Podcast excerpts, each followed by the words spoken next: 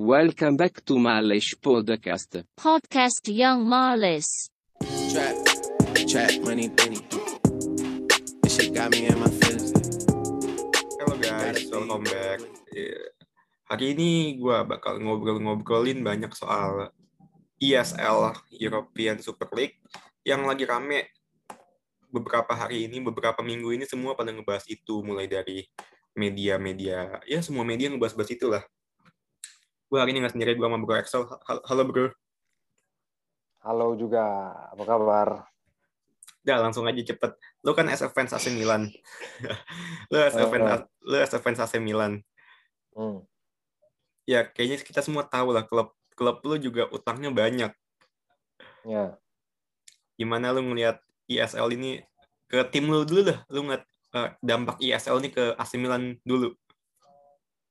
Ya pertama menurut gua kita harus tahu dulu apa itu ISL, ya kan? ISL kan eh, sebetulnya ini eh, semacam tandingan dari UCL kan gitu, European Super League yang diisi oleh 12 ya, du- 15 kalau nggak salah 15 founding clubs, habis itu 5 tambahan kan gitu. ya kan? Em, di antaranya itu klub-klub besar, Real Madrid, Atletico, eh, Barcelona, terus juga ada Inter, Juve dan eh, Milan. Ya. Terus juga dari habis itu top six apa big six-nya eh, Premier League. Hmm. Eh, dan juga kan tadinya tiga klub diundang ya, Eh, tiga klub yang lain itu PSG, Bayern Munich sama kalau nggak salah Dortmund juga diundang ya. Ya. Jadi tim-tim ini kan apa namanya istilahnya udah punya nama, punya fan base, punya prestasi. Jadi wajar kalau misalnya tim-tim ini diminta untuk bergabung. Nah formatnya sendiri kan kita tahu ya eh, dua grup berisi 10 tim masing-masing apa jadi ada dua grup masing-masing grup isinya 10 tim 10 pertandingan per hari di antara apa hari Selasa, Rabu, Kamis. Jadi ada 15 permanen klub.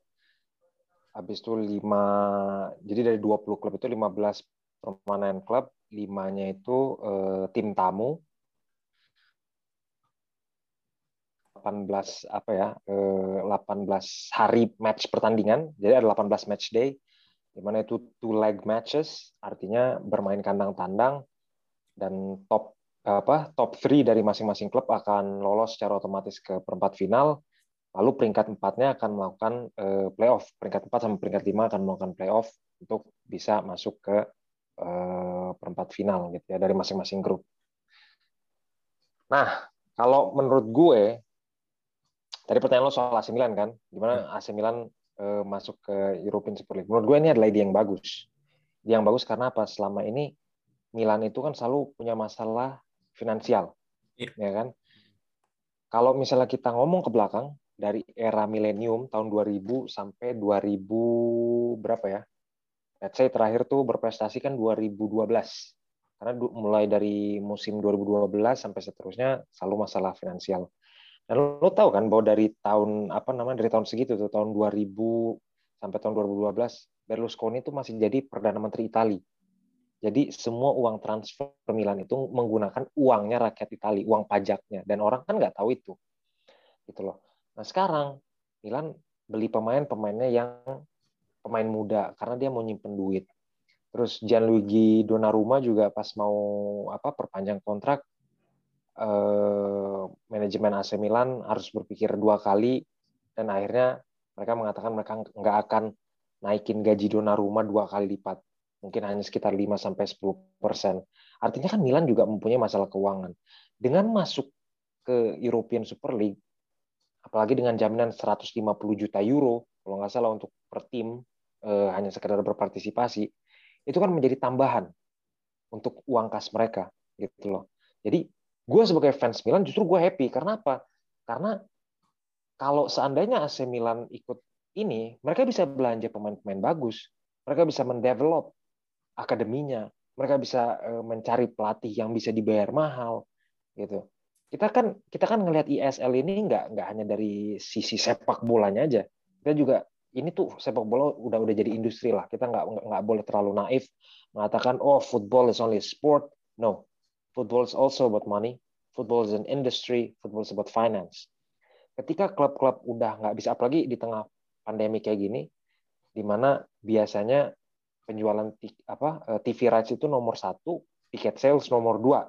Itu berdasarkan laporan keuangan Juventus ya. Mereka tuh pemasukan paling banyak emang dari TV rights. Tiket sales itu nomor dua. Nah sekarang tiket sales sudah nggak ada, gitu kan? Mereka cuma ngandelin TV rights. Itu kan nggak cukup. Nah makanya diadakanlah ISL ini biar TV rights-nya naik dua kali lipat. Sementara kalau UCL, lo bisa bayangin bagaimana mungkin NFL yang cuma terkenal di Amerika, tapi perputaran duitnya lebih kencang dibandingin UCL ataupun eh, mungkin World Cup juga yang istilahnya semua orang tuh nonton tapi apa sih tapi hadiahnya tuh sedikit. Ibaratnya lu berlomba terus tapi hadiahnya dikekepin sama panitia gitu. Coba lu bayangin kan nggak fair ya kan? Kalau itu menurut gue dari dari dari sisi finansialnya gitu. Kita nggak bisa lagi ngomong football football is only about sport no. Football is an industry football is about money too. Gimana menurut lu? Uh, nggak to be to be honest uh, kita ingat di awal-awal mau bikin ISL Perez said ini buat tim yang apa ya istilahnya kompetitif. And anehnya why they put Spurs in? Tottenham Hotspur padahal ya Spurs hmm. itu even juara liga terakhir 1961 dan terakhir hmm. kali angkat trofi 2008 and then Perez said uh, kita ngegayat tim yang terbaik buat ngikut ini ini ini menurut gue udah bukan apa ya ini udah pure money udah udah pure duit hmm. lah semua udah udah pure duit karena gue yakin kalau misalkan lu emang pengen gayat-gayat tim terbaik why you have to choose Spurs ada ada tim-tim kayak Bayern Bayern ya Bayern tapi Bayern kan udah menolak ya ada tim-tim hmm. di Italia atau mungkin Sevilla Sevilla di Spanyol kan bukan tim main-main di Europa League sering juara hmm. sering ganggu why why they put Spurs yang pertama itu gue udah ngerasa it's only hmm. about money karena kita tahu uh, Spurs beberapa tahun ini uh, ke, lagi kencang nih naik-naiknya fansnya lagi pada bertambah dengan pesat karena kita tahu di Asia apalagi di Asia ada Hing Min Son di sana pasti penonton penonton hmm. Asia gue nggak munafik ya walaupun gue bukan fansnya hmm. gue gue walaupun gue bukan big fansnya Spurs Tottenham Hotspur but hmm. gue gue gue termasuk orang yang nonton Spurs ke Hing Min Son tiga empat hmm. musim kebelakangan ini so gue hmm. rasa ini udah dari awal udah pure about money apalagi Perez hmm. tentu tentu aja ngincer penonton Asia dong pastinya nggak mungkin dia karena penonton Asia ini udah apa ya jadi lumbung duit lah bu, buat tim-tim Eropa sekarang. Habis itu eh, nggak uh, ada meritokrasi ya dalam pemilihan peserta ISL uh, hmm. yang seperti tadi gue bilang itu uh, standarnya ini aneh gitu. Gue nggak apa standar untuk memasukkan tim ke ISL ini aneh, aneh hmm. banget. Dan nggak ada degradasi ini yang gue yang gue permasalahin degradasi. Oh, 15 tim founder kan nggak pakai degradasi. Mereka stay hmm. until long lasting lah istilahnya. Aneh menurut gue ngelihat football yang udah abad-abad bertahun-tahun gitu, yang kalau di end of season pasti ada deg-degan yang satu, waduh gue mau gue mau degradasi, bla bla bla, and then hmm. apa ya? Uh, di ESL ini tidak ada sistem seperti let's say sistem-sistem di olahraga Amerika ya, let's say NBA atau apa. Hmm. Dalam artian kalau misalkan benar nantinya FIFA ngeban pemain ngeban dari kompetisi kompetisi FIFA atau apa. Berarti kan pemain ini hmm. ya secara nggak langsung lingkupnya hanya di ESL doang. Sementara ESL pun nggak apa ya nggak punya sistem seperti olahraga Amerika yang misalkan let's say uh, di olahraga NBA aja ada trade ada ada trade antar pemain ada trade antar klub sementara kan nanti ESL ini nggak seperti itu. Nggak tahu ya mungkin mungkin ada cuma I think susah lah karena pemain sepak bola itu kan apa ya terdiri dari bukan cuma 15 atau 20 banyak banget belum lagi reserve pemainnya pemain-pemain nanti kan juga ada efek juga dampak ke pemain-pemain akademinya. Karena uh, sistematis ya kalau udah di band band office band semuanya berarti kan pemain-pemain akademinya ini nanti bakal ke mana kan kita harus ngeliat pemain akademinya juga bakal dibuang ke mana. Dan terakhir ya, football is nothing without fans, tentu saja itu football tanpa Hmm. fans ya bukan apa-apa. Tetapi kita harus ingat juga UEFA is shit. Beneran. Hmm. Presiden presiden mereka si Cheverin itu dari mana sih gue lupa Cheverin itu gue dapat berita dia hampir tiap tahun gajinya naik even tahun kemarin pun dia gajinya naik 400 ribu US dollar dari 1,5 juta jadi 1,9 juta US lu bayangin betapa banyak perputaran uang di UEFA yang ketika sampai ke klub hanya ya let's say Liverpool kemarin mu- dua musim lalu Hmm. juara UCL cuma dapat berapa 100 juta lebih Hmm. Meanwhile dibanding lu ikut ISL lu cuman berpartisipasi aja udah dapet udah dapet has, apa dapat uang yang sama dengan lu juara UCL. So gue gue gue nggak munafik ada juga Hmm. apa ya kita harus ngelihat ini Eh, fans harus juga demo ke UEFA demo alias demo Hmm. agar UEFA ini dirubah karena udah gila men UEFA ini. Maksud gue cara nyari duitnya mulai dari ada Nation Leagues. Nation League ini kan eh, apa ya istilahnya? Kualifikasi buat Euro dan kualifikasi semacam semacamnya yang sengaja dibuat oleh UEFA biar ada nilai Hmm. kompetitif kompetitifnya gengsinya. Yang sebenarnya Hmm. nggak ada nggak ada nilai gengsi dari Nation League tapi ini hanya dibuat-buat oleh UEFA sementara pr- prize money juga it's not big it's not big at all. Cuman sedikit sedikit Nation League belum lagi tambah 2024 2025 kita bakal menggunakan format baru ya. Format UCL di mana nanti bukan group stage gitu bakal kayak liga istilahnya. Di mana pemain bisa let's say dipaksa bermain ya bermain bermain, bermain terus lah. Di liga total 38 match nanti kira-kira belum lagi ada Nation League belum lagi nanti ada juga um, eh, jeda inter- jeda internasional atau Nation League yang gue bilang bisa 10 sampai 12 pertandingan dalam satu musim liga 38 match dalam satu musim tuh kalau yang liga-liga yang 20 klub ya. Ya sekitar 34 sampai 38 match lah. Belum lagi eh, pertandingan-pertandingan UCL yang nanti kan mau dibikin format liga. Kira-kira nanti pemain bisa bermain sekitar 10 match cuman buat lolos dan untuk menjadi juara membutuhkan 17 match. Ini kan berarti udah ada apa ya mereka ini pemain-pemain ini diperbudak perbudak secara internasional secara terang-terangan sama UEFA. Sementara uang yang dikeluarkan oleh UEFA untuk tim-tim ini ya cuma segitu-segitu aja.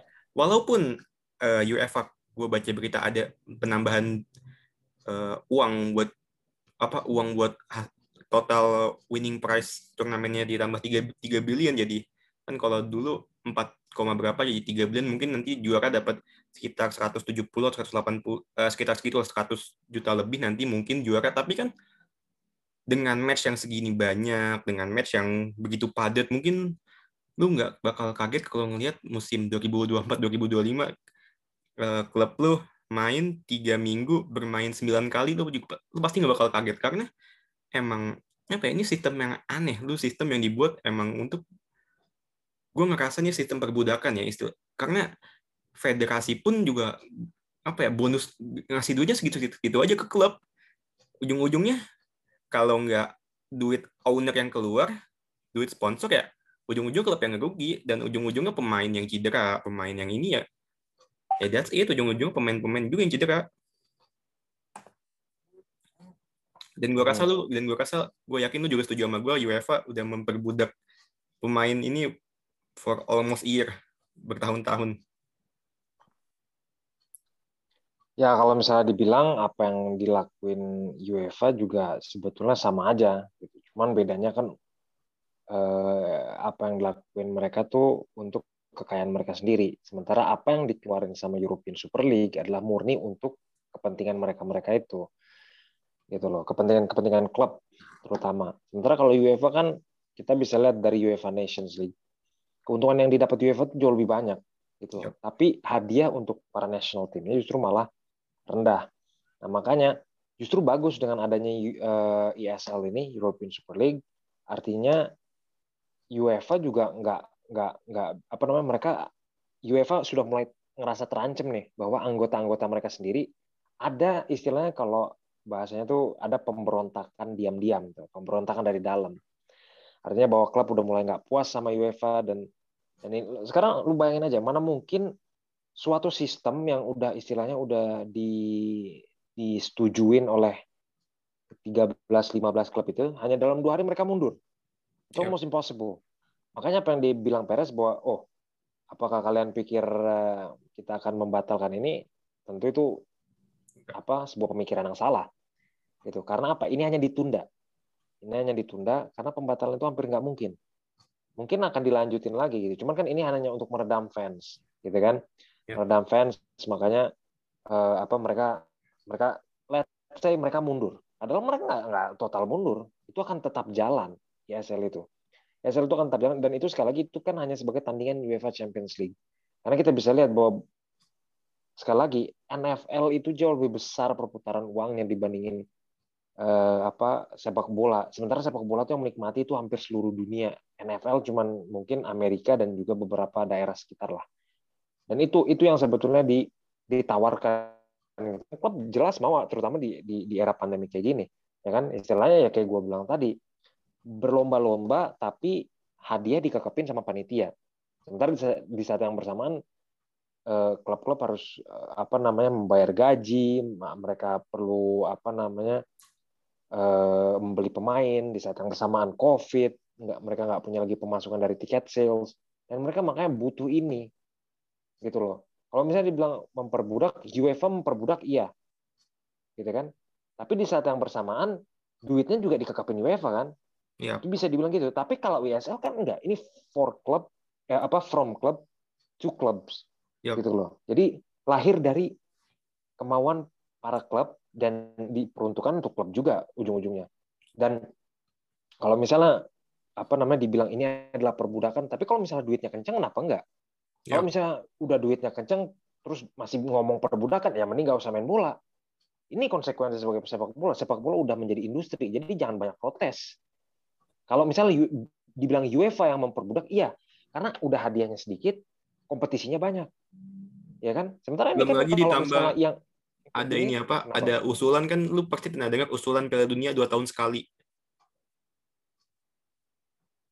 Kalau itu sih hampir nggak mungkin. Terus eh, Piala Eropa, Piala Kontinen lain-lainnya mau dihapus, kan nggak mungkin. Iya. Tapi kan ada ada kemungkinan. Oh. Tapi kan secara langsung pemain-pemain ini kan apa? Bermain di Hmm. liga negara terbesar seperti Euro dan Piala Dunia kan dua tahun Hmm. sekali. Belum lagi Nation League bla bla bla. Bener kata lu ini udah perbudakan, perbudakan yang apa? Perbudakan ya, ya perbudak ya lu sebagai kalau misalkan ISL memperbudak ya gue nggak bilang enggak tapi tapi kan seenggaknya ya yang tadi lu bilang perputaran uangnya jalan gaji pemain semua terbayarkan karena kan musim ini juga gaji pemain pun juga apa ya istilahnya gaji pemain pun juga eh, banyak yang dipotong ya ya wis you name it lah gaji-gaji tim yang pemain eh, eh, gaji gaji-gaji pemain yang dipotong sama timnya banyak 50% 20% so kalau nggak Hmm. kalau klub-klub ini nggak find solution buat finance mereka ya ini bakal susah tetapi yang gua Hmm. yang ini yang gue lucu juga ya eh lu inget waktu ISL mau jalan pemerintah Inggris pemerintah in- si Boris Boris itu kan langsung ngeluarin statement tuh bahwasannya dia bakal bikin gimana caranya biar klub-klub ini nggak ikut ISL bla bla bla sementara minimal kita tahu UEFA Hmm. sangat misalkan ke negara-negara lain sangat anti pemerintahannya ikut ke dalam federasi sepak bola mereka Hmm. Hmm. Minimal kemarin saat mau ISL mau mulai, pemerintah Inggris tiba-tiba ngeluarin statement kayak gitu. Apa ya? Ah, gue, gue juga ngeliat ada isu ada dalam artian corruption antar pemerintahan Hmm. dengan UEFA juga sih kalau begini caranya. Ya kalau misalnya sebetulnya apa namanya ISL itu kan yang yang dikritik sebelum formatnya aja Ya, sebetulnya, ya kan? Formatnya bawa 15 permanen klub. Nah, ini kan yang jadi yang jadi masalah kan. Makanya kemarin kan dibahas di DP itu ada ada Schalke yang 2000 berapa? kalau nggak salah 2017 ya masih masih main 2018 di 2019 masih main lawan City di knockout ya. Champions League. Ya. Tapi sekarang malah terdegradasi kan gitu. Nah, ini ini baru yang yang yang yang dijadiin eh, permasalahan European Super League 20 teams good format tapi pemilihan timnya itu jangan jangan nggak fair kayak gini, jangan oh 15 permanent clubs 5 tim tamu. Ini kan sebetulnya apa ya? Kalau misalnya dibilang ini kayak ICC misalnya International Champions Cup itu nggak masalah, yang dimainin cuma pas pramusim. Tapi ini kan dimainin for the whole season Iya. gitu. Itu yang jadi masalah kan. Gitu. Jadi sebetulnya orang ngomongin oh this is about money. It's not ya oke, it's about money tapi kan itu ininya apa namanya? itu base-nya gitu kan. Maksudnya ya setiap nggak usah munafik, setiap orang pasti butuh apa setiap klub pasti butuh uang, setiap orang pasti butuh uang. Yang dikritik harusnya formatnya yang 15 klub lalu plus 5 tim tamu. Nah, itu yang nggak fair. Tapi kalau secara keseluruhan menurut gua nggak ada masalah. Dan lu mesti inget juga ada gue ngelihat ada banyak tim pengkhianat juga di ASL ini ya gue sebut aja Chelsea sama City. Gue Hmm. punya data bahwasannya Chelsea sama City ini eh, musim beberapa ini ini ini, ini apa eh, Premier League ini ya apa ini gue punya data pendapatan klub dari 2008 sampai 2017 bahwasannya klub kayak Manchester City itu Hmm. pendapatannya itu cuma 10% dari operasi, 90% dari owner, dari owner. Yang secara nggak Hmm. langsung ini nunjukin mereka bahwasannya they don't need much money from UEFA. Cause yang mereka keluarin ini dari owner, owner financing. Dan ini gue yakin ini harusnya udah ngelanggar apa ya, ngelanggar FFP. Iya, harusnya ini udah ngelanggar. Lu bayangin 90% owner financing buat pendapatan mereka dari duit Hmm. owner. Dan UEFA, come on. Ya, gue tahu sih sempat beberapa ini mau di ban, cuma kan mereka berhasil menang di banding ya. But kalau lu ngeliat data kayak gini, Manchester City, so- source funds-nya 10% cuma dari operasi, sisanya 90% dari owner financing. Harusnya lu tahu bahwasannya, eh harusnya kita semua tahu bahwasannya ini ini klub-klub ini udah nggak sehat semua. Maksud gue klub-klub yang punya keuangan eh, hebat ini udah nggak sehat. Hmm. Dan UEFA fine gitu ngeliat klub-klub kayak gini. Mm, And then juga ada Chelsea juga yang Hmm. 85% lebih eh, pendapatannya berasal dari owner financing dari Roman. Gue aneh gitu kalau ngelihat UEFA ngeban tim yang secara financial fin- financial yang pendapatan besarnya berasal dari operation kayak Hmm. Manchester United, Spurs, and also Arsenal. Arsenal Arsenal tuh eh, al- for- almost 10 tahun mereka pendapatan mereka tuh murni dari op- operation hampir 10 tahun. UEFA malah nggak apa ya nggak ada keinginan ngebantu-bantu tim ini padahal mereka ngedapetin hak, hak siar itu dari tim-tim ini hak siar penonton hak siar macam-macam semua dari tim-tim ini. Dan kalau ngelihat pembagian jatah hak siar di UEFA nggak nyampe 50% bro. Nggak nyampe 50% ke tim-tim ini. Dan makanya gue nggak kaget tim-tim ini pada melawan. Tapi harus lo ingat juga bahwasannya ada piramida sepak bola yang sudah terbangun bertahun-tahun yang secara nggak langsung kalau sampai apa ya sampai beneran ini ada ya sorry to say ya secara nggak langsung ESL ngerusak football yang udah dibangun dari lama. Tapi the good things bahwasannya klub-klub ini bisa gitu akhirnya finansialnya sehat. Karena lu, lu kalau inget dulu Arsenal si maskotnya si mos- maskot yang dinosaurus tuh gue lupa namanya siapa sampai nggak bisa digaji bro. Sampai nggak bisa digaji bos. Saking nggak punya duit lagi tuh Arsenal karena murni ngandelin pendapatan mereka dari opera, dari operation sementara nggak ada penonton gimana mau dapat duit dari, dari operations Iya, makanya tadi apa nama sebetulnya apa ya UEFA tuh nge, berencana ngeban klub-klub ini itu murni hanya sekedar ancaman.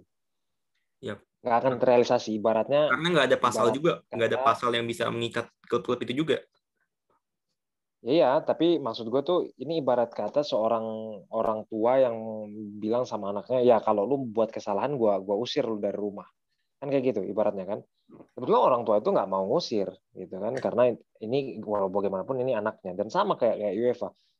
Eh, mereka sebenarnya itu hanya mengancam. FIFA juga begitu. Pemain yang berpartisipasi ya sekali lagi yang bayar gaji siapa? Kita belajar dari dualisme eh, di Indonesia. Ya. Apa timnas misalnya contoh pemain yang masuk timnas eh, apa namanya tidak akan digaji apa namanya akan dikeluarkan oleh klub. Ada pemain yang istilahnya dipuji karena mereka bermain untuk timnas, tapi setelah timnas udah nggak TC, udah nggak ikut training center, nggak ada klub yang mau nampung dia. Contoh siapa ya? Yosua Pahabol apa kalau nggak salah. Dia yang tadinya di klub ESL di Persipura, dia keluar dari Persipura, dia ikut main timnas lawan Irak. Setelah apa namanya? Setelah ikut timnas, ke mana dia? Gitu loh. Dia harus cari klub lagi, dia nggak punya agen. Ini kan artinya apa ya? Ya pujian dari masyarakat bahwa dia main untuk timnas itu nggak bisa bikin dia hidup kan, nggak bisa nggak bisa bikin dia makan, nggak bisa bikin dapur dia ngebul, gitu loh. Nah makanya apa ancaman dari FIFA atau UEFA bahwa apa pemain-pemain klub nggak boleh main di timnas, ya siapa peduli, gitu loh. Emang timnas bisa ngasih makan? Enggak kan? Timnas main tuh cuma hanya berapa bulan September sampai November. Habis itu bulan Maret lanjut lagi. Nah terus bulan Desember sampai Maret mereka mau makan apa? Dari Maret ketemu lagi September, mereka mau masih ngasih makan keluarga mereka apaan? Gitu kan? Jadi makanya menurut gue apa ya, seandainya pemain di band kayak gitu pun untuk untuk main di FIFA atau segala apa, main di World Cup atau segala macam itu bukan bukan suatu ancaman yang besar karena sekali lagi timnas nggak menggaji mereka. Yang menggaji mereka itu klub. Dan perlu gitu. diingat Jadi, bahwasannya fans klub eh, fans sebuah klub itu lebih besar daripada fans sebuah negara. Ya. Iya. Yep. Ya, emang betul. Sekarang kalau ya ya lu compare aja fans eh, fansnya apa misalnya Man United atau eh, Real Madrid atau AC Milan gitu kan. Itu di seluruh dunia ada. Yep. Gitu kan. Tapi fans timnas Italia ya orang-orang Italia aja. Gitu kan. Hmm, benar-benar. Seandainya Indonesia lawan Italia terus apa eh, kekuatan Indonesia seimbang lawan Italia itu fans fans AC Milan pasti dukung Indonesia nggak mungkin dukung Italia dong kan gitu Iya. Udah pasti 270 juta versus eh, berapa populasi Italia mungkin 25 juta atau segala macam itu nggak nggak nggak nggak nggak sebanding gitu. Walaupun mereka fans AC Milan atau mereka fans Inter fans Juve tetap aja mereka akan dukung Indonesia kalau Indonesia punya kekuatan yang seimbang kan lawan Italia kan gitu. Ya. jadi sekali lagi klub punya power lebih besar dibandingkan sekedar timnas atau segala macam menurut gue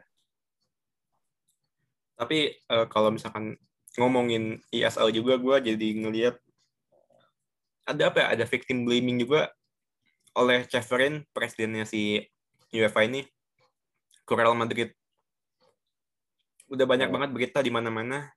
Cheverin udah mulai ngancem-ngancem Madrid bakal eh, ngancem Real Madrid bakal dieliminasi dari UCL ngancem-ngancem banyak lah. To be honest kalau misalkan sampai Cheverin bisa uh, eliminasi Madrid, apa ya selain disqualify Madrid, hmm. ini berarti udah bukti bahwasannya uh, football di tangan UEFA apa ya udah udah UEFA udah UEFA udah semena-mena gitu. Gue nggak peduli hmm. kalian semua fans apa, gue nggak peduli semua lu fans apa. Tapi kalau lu ngelihat nanti misalkan let's say Madrid di ban sama uh, UEFA, lu harusnya semua sadar bahwasannya ini semua bisa terjadi ke tim lu. Semua bisa hmm. bagian hal-hal ini. Dan ini harusnya apa ya? Lu kita semua harus bersatu gitu. Jangan cuman fans jangan cuman fans Spanyol, fans Italia yang bersatu buat ngelawan UEFA. Karena buktinya fans-fans Inggris with UEFA, buktinya mereka demo demo dia demo anti ESL, demo anti ESL segala macem. Berarti kan yang fans fans fans yang against UCL ini kan cuman eh fans sorry sorry fans yang against ESL ini kan cuman fans fans Inggris. Fans fansnya the fans FA minimal di Spanyol banyak kok yang accept banyak kok karena hmm. uh, eh, gue masih ingat pernyataan Toni Kroos bahwasannya uh, atau ini dah gue masih ingat squad yang dibawa Madrid waktu lawan uh, Getafe beberapa uh, sab, uh, minggu lalu atau Sabtu lalu gue lupa.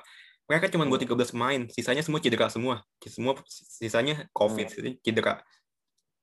Dan UEFA mau maksain sebuah sistem baru, sebuah tantangan baru eh, dengan UCL hampir 10 match per, per musimnya. Eh, Hmm. Belum lagi ada National League. Gue nggak ngerti kenapa fans-fans Eropa pada apa ya pada nggak setuju sama ESL ini dan cenderung lebih ngebela UEFA karena gue nggak ngerti kenapa. Padahal UEFA sejauh ini banyak kalau lu merhatiin ya, mulai dari Hmm. isu rasis dah, isu rasis, UEFA sama sekali nggak, UEFA sama sekali nggak concern ke hal itu. Padahal mereka sendiri yang buat say no to racism, tapi Hmm. when lu inget eh, yang Slavia Praha, pemain Slavia Praha yang Yeah. nginin pemain Rangers, apakah di UEFA Hmm. bertindak? Nggak ada. Ya maksud gue, eh, justru malah eh, si pemain yang teriak katanya kasus itu di ban berapa match dan tapi si korban kasus ini juga kena si Hmm. korban kasus ini pun juga kena ban dari- eh, kena hukuman juga dari UEFA bukti Hmm. UEFA udah nggak sehat and then kedua eh gini lu masih inget Barca PSG 6-1 Hmm. gua eh, to be fair ya walaupun lu walaupun kalian semua atau apa fans Barca have to be fair bahwasannya ini match udah match fixing. Udah match fixing. Because why? Eh, mulai dari pelanggaran Neymar yang pelanggaran mulai dari gol offside. To be honest apakah kalian nggak ngelihat bahwasannya gol Sergio Roberto gol ke-6 itu nggak offside? To be to be honest ya apa kalau lu semua ngecek apakah itu nggak offside? Belum lagi banyak-banyak gol-gol aneh. Gol bunuh dirinya Kurzawa kalau gue nggak salah UEFA secara nggak langsung apa ya udah nunjukin bahwasan mereka ya udah ada emang banyak sekali bandar-bandar dan gue yakin Agnelli pun juga mantan bandar juga mantan penjahat UEFA juga Agnelli cuma bedanya setelah dia ngedapetin Juve jadi jadi ular. Yang seperti Cafrin bilang ada ular dalam kandang kita. Hmm. so gue nggak tahu ya apa yang harus dilakukan oleh fans-fans Eropa ini fans-fans eh, dunia ini supaya UEFA change the way they build atau enggak gimana caranya biar UEFA ini bubar? Karena udah udah banyak banget lah. Mulai dari match, eh, match fixing apa but to be honest kalau ngomongin eh, match fixing apa apa jangan lupa AFC lebih parah. Hmm. ya ya pasti pasti to be honest pasti AFC lebih parah. ASEAN ini pasti lebih parah lah. Ya to be honest aja lah. Klub-klub Hmm. AFC miskin-miskin semua. Match fixing Ya. ya. Ya udah pastilah but ya sekarang ini uh, as a closing seberapa yakin ESL menurut tuh bakal bisa berjalan atau ya mungkin kayak eh, dulu ada kan sempet mau bikin klub-klub mau bikin liga elit-elit itu. Dan menurut lu ini selanjutnya bakal lanjut or ya cuman berita-berita 48 jam lah. Ya, menurut gue kita kembali lagi ke statementnya Perez bahwa dia bilang kita perlu ingat bahwa klub-klub ini sudah menandatangani kesepakatan kontrak. iya Artinya ada klausul kalau misalnya tiba-tiba mengundurkan diri atau tiba-tiba menarik diri pasti akan ada denda ataupun apa yang akan diiniin. Jadi menurut gue ini akan tetap jalan tapi ditunda untuk sementara karena meredam emosi fans. Iya. Nanti ujung-ujungnya bakalan tetap ada. Kalau enggak, kalau misalnya seandainya ini benar-benar batal, walaupun gua nggak nggak yakin ini bakalan batal, tapi kalau misalnya emang seandainya batal, pasti ada jalan tengah di mana UEFA akan menaikkan apa eh, prize money-nya untuk para klub yang bertanding di UCL atau eh, di UEL terus juga akan ada apa namanya format baru entah bagaimana gimana sistemnya akan dibuat sistem baru. Tapi sekali lagi itu masih jauh ya masih jauh artinya artinya ini ISL masih akan tetap jalan karena sesuai statementnya Perez klub-klub ini masih terikat kesepakatan kontrak menurut gua begitu kalau gue ngeliat ESL gue gue masih optimis ini bakal jalan karena apa Hmm. secara hukum Perez udah Hmm. menutup semua sisi semua sisi lah yang bisa diserang sama UEFA Hmm. buat nyerang Perez secara hukum ya secara Hmm. secara hukum tetapi kan ada ya football be honest pasti ada football is about fans ujung-ujungnya Hmm. Perez sayang sekali belum bisa nutup uh, sisi dari fans ini, apalagi fans-fans uh, Liga Inggris ya, fans-fans Liga Inggris. Ya, karena kan biasanya suara yang paling suara suara penolakan itu kan paling kencang dari Inggris. Meanwhile di Spanyol, di uh, Barca, kalau Barca gue nggak nggak nggak se nggak sewoh di Inggris penolakannya. Ya ada, hmm. ada ada penolakan tapi nggak sewoh di Inggris lah. Hmm. Dan ini yang apa ya Perez harus ngasih PR ke klub-klub IPL ini bagaimana caranya biar mereka ngomong dulu ke pemain-pemain karena banyak loh. Contoh MU Liverpool. Uh, Woodward, Glazers kan nggak ngasih tahu ke pemain-pemain kayak Bruno, Ole, bahkan even Ole pun nggak tahu mereka they go to ESL. Pelatihnya pun nggak tahu. Harry, kaptennya Harry Maguire pun juga nggak tahu. Dan sekarang ya ujung-ujungnya ya clash di di MU um, Maguire hmm. udah step up udah udah apa ya udah speak up. And then Edward Woodward akhir tahun ini bakal cabut. Ya ini sih PR yang harus dibenahi oleh Perez. Gimana caranya biar klub-klub Inggris ini pemainnya juga yakin gitu. So ketika let's say pemerintah Inggris gak ngasih izin karena kan yang pemain yang klub ini takutkan kan pemerintah Inggris gak ngasih izin ya. Mereka mah secara hmm. kalau cuman suara fans gue yakin juga mereka uh, ya who cares lah menurut gue juga gue yakin kalau cuman suara-suara fans mereka juga who cares. Tapi kan ancaman pemerintah Inggris ini belum lagi gue dapat berita dari Mundo Deportivo uh, majalahnya Belanda eh majalah Belanda majalah Barcelona UEFA juga di belakang ngasih duit ngasih price ngasih duit lebih ke enam klub IPL ini biar stay Ya karena hmm. nyawa ISL ini ya ya enam klub Inggris ini lagi enam klub Inggris ini nyawa nyawa ISL tanpa hmm. enam klub Inggris ini ya ISL bakal berat buat jalan karena kalau cuma ngandelin fans Madrid, Milan, Barca, Juventus. Atletico not ya banyak cuma not that much sebanyak enam top big six IPL ini. Hmm. So ya kecuali kecuali gue ngasih pengecualian PSG bisa ikut. Kalau PSG bisa ikut without top 6 oh. big six ini bisa ISL jalan kalau PSG ikut karena financial apa ya PSG paling punya kekuatan buat sebagai apa ya eh, dalam artian uang cadangan ngerti nggak uang cadangan hmm. di mana mereka juga punya pemain-pemain yang apa ya ini ya ini yang gue juga sedikit bingung juga ke ISL ya bagaimana mereka mau ngejalanin sebuah liga tanpa adanya superstar yang sedang on fire. To be honest, uh, Erling Haaland sama Mbappe, Dortmund and PSG. Without dua pemain ini, bakal sulit ISL bertahan 10-20 tahun ke depan. Karena apa?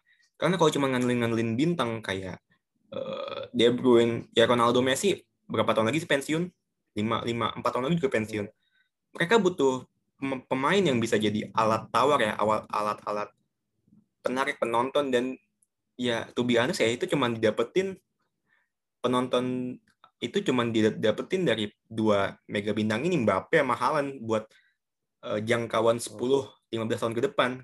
Dan kalau ISL nggak bisa ngedapetin Mbappe sama Haaland buat di liga mereka, bakal sulit menurut gue uh, ISL bakal jalan karena mereka ESL butuh superstar yang bisa rebranding mereka. Dan gue nggak ngeliat itu semua dari uh, super mega bintang 12 klub ini ya. Gue nggak ngeliat itu dari even Ronaldo pun ya Ronaldo, Messi. Dia gonna retire ntar lagi. Dan ujung-ujungnya ESL butuh mega bintang yang bisa nge-representing mereka lah 10-15 tahun ke depan. So, PR yang kedua datengin datengin Mbappe sama Haaland ke 12 klub juga ESL ini entah siapa aja yang dapat who cares but mereka berdua harus ada itu harus ada and berat sih bakal berat sih ini ke depannya kecuali fans bisa kehilangan kepercayaan sama UEFA tapi itu nggak gampang menurut gue buat bikin fans so fans kayak fans Liverpool MU kehilangan kepercayaan buat UEFA bakal sulit ini ESL jalan walaupun bisa tapi bakal mungkin mungkin mungkin berjalan menurut gue mungkin realistis ya realistis tuh buat gue lima musim lagi sih bakal jalan. Kenapa? Karena nanti UCL 2024-2025 bakal banyak penolakan. Di situ gue bakal ngeliat ESL bakal up lagi. Tapi kalau buat 2-3 musim ke depan gue nggak ngeliat ESL bakal jalan sih itu kalau dari gue karena ya tadi gue Oke. bilang. Hmm. ya but lu kalau ngeliat ini ya ini ini gua gue pengen minta pandangan lu. Ngeliat piramida sepak bola yang kalau misalnya sampai ESL jalan bakal rusak. What's your opinion about that? Ini, ini sebagai penutup juga ya. Lu kalau ngeliat piramida sepak bola yang nanti lah misalkan ESL jalan gitu pasti kan ada piramida sepak bola yang dirusak sama 12 eh, 20 klub ini atau 12 klub ini gimana tanggapan lu Soal Siapa yang dirusak? piramida dalam artian kan biasanya eh, seri A, seri B, lu eh, ya tuh biasanya kan biasanya selalu ada eh, degradasi setiap musim. Sementara kan di ESL ini nggak ada. Tanggapan lu ngelihat nanti kira-kira ESL kan bakal kehilangan, bakal nggak ada degradasi apa-apa. Tanggapan lu soal itu gimana? Karena kan secara nggak langsung eh, yang bikin football menarik itu kan story-storyline kayak gini, story-story kayak Leicester. Leicester 2015-2016 klub entah dari mana tiba-tiba juara. Kita kan semua kalau sampai ESL ada kan bakal kehilangan itu kehilangan story-story kayak gitu atau mungkin piramida-piramida sepak bola yang kayak eh, klub besar mungkin bisa dikena degradasi kayak Schalke sekarang kena degradasi. Opinion opinion lu gimana?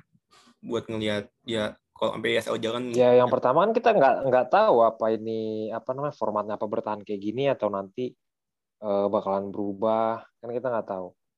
Mungkin kalau misalnya memang formatnya masih dipertahankan kayak gini dengan lima tim tamu dan segala macamnya, mungkin bisa dibilang ya apa ya bisa dibilang ini agak kurang sehat kompetisinya. Karena hanya karena 15 klub permanen nggak ada yang keluar satupun ini kan sedikit nggak fair. benar benar. Eh, jadi apa tapi ibarat ya gimana ya menurut gua ya lu ketika main PS aja deh. Lu ketika main PS sama teman-teman lo atau gimana gitu. Ada nggak kira-kira yang mau apa milih milih klub semacam Charlton Athletic terus lawan Juventus enggak atau misalnya klub lawan Atletico Madrid? Kan nggak mungkin. Gitu kan jadi sekali lagi bahwa ini pure buat entertainment bukan buat buat kompetisi. Jadi ya bisa dibilang mirip ICC gitulah International Champions Cup bahwa ini hanya namanya juga European Super League which is the league for super teams.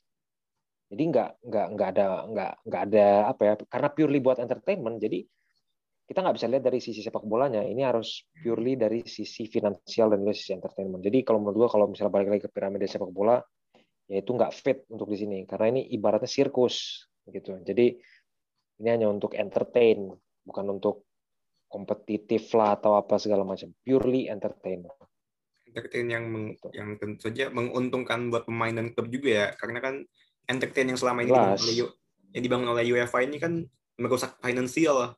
Walaupun membangun Hmm. sebuah nilai kompetitif ya kom- ya dua musim ter- Hmm. dua eh, sorry tiga musim terakhir ini kan salah satu UCL yang menurut gue paling paling panas lah 2017 2018 tuh kalau inget kisah Liverpool ke final dari klub main di playoff UCL terus tiba-tiba ke final Hmm. Eh, musim depannya Spurs from out of nowhere tiba-tiba masuk final Hmm. ini semua Ya. en- menurut gue entertainment yang dibangun oleh UEFA tetapi ya itu yang gue bilang finansialnya nggak sama sekali nggak ada bantuan finansial dari UEFA ujung-ujungnya kan klub dapat dapat segitu segitu juga Hmm. paling hanya di, di Liga Inggris doang di mana kalau mau awal musim klub-klub dapat Hmm. 100 juta gue lupa berapa Eh, tapi di IPL itu sebelum musim mulai pas selalu ada bahwasannya Hmm. klub-klub ini dibagi rata dapat 100 juta kalau gue nggak salah sebelum musim mulai tapi kan ini kan nggak nggak nggak ada di ada ad- sorry, sorry ada di Spanyol dan Italia Hmm. tapi kan nggak sama rata ya ujung-ujungnya ya mungkin gue nggak bakal kaget bakal banyak klub-klub yang kayak Schalke lima musim ke depan ya klub yang Iya, bisa jadi. ya yang gara-gara finansialnya rusak tiba-tiba jadi degradasi. Ya oke, by the way, thank you bro, lu udah nemenin gue hari ini. Ya. Ada yang pengen lu sampaikan lagi buat para fans-fans yang menolak yang menolak ISL? yang menolak ESL menurut gua ya posisikan posisikanlah diri kalian sebagai pemilik klub Ya. yang sedang berusaha mencari uang di tengah pandemi atau posisikan diri Anda diri kalian semua sebagai seorang pemain bola yang juga butuh digaji oleh klub kira-kira begitu Oke. jangan cuma sebagai fans Ya, karena pemain-pemain ini kalau dicedera udah susah lah. Mau digaji berapapun kalau Ya. dicedera ya ke ends karir lu. Dan Hmm, mungkin ini, ini, ini masukan masukan gue juga buat para fans-fans sana. Hmm. Please lu jangan terlalu dengerin omongan Gary Neva, Gary, Gary Neville, Jamie Carragher, Hmm. whoever pandit-pandit Sky Sport. Hmm. Please dengerin apa ya? Gue lebih seneng dengerin dengerin uh, kata-kata mutiaranya Arsene Wenger ketimbang bacotan Gary Neville apalah. Kes apa ya? They ya Gary Neville ngelatih Valencia aja udah Hmm. ya ya tapi ya gua gua gua dia dia dia dia legend gue respect tapi kalau Hmm. mendengar bacotan dia about ESL man he don't know he don't know apa ya menurut gua ya cuman bacotan biasa aja Hmm. Oke, by the way, thank you bro Ya. udah mau menemenin gue hari ini. And ya, thank itu Thank tadi you. ending uh, our podcast. Thank you semua yang dengerin and bye bye.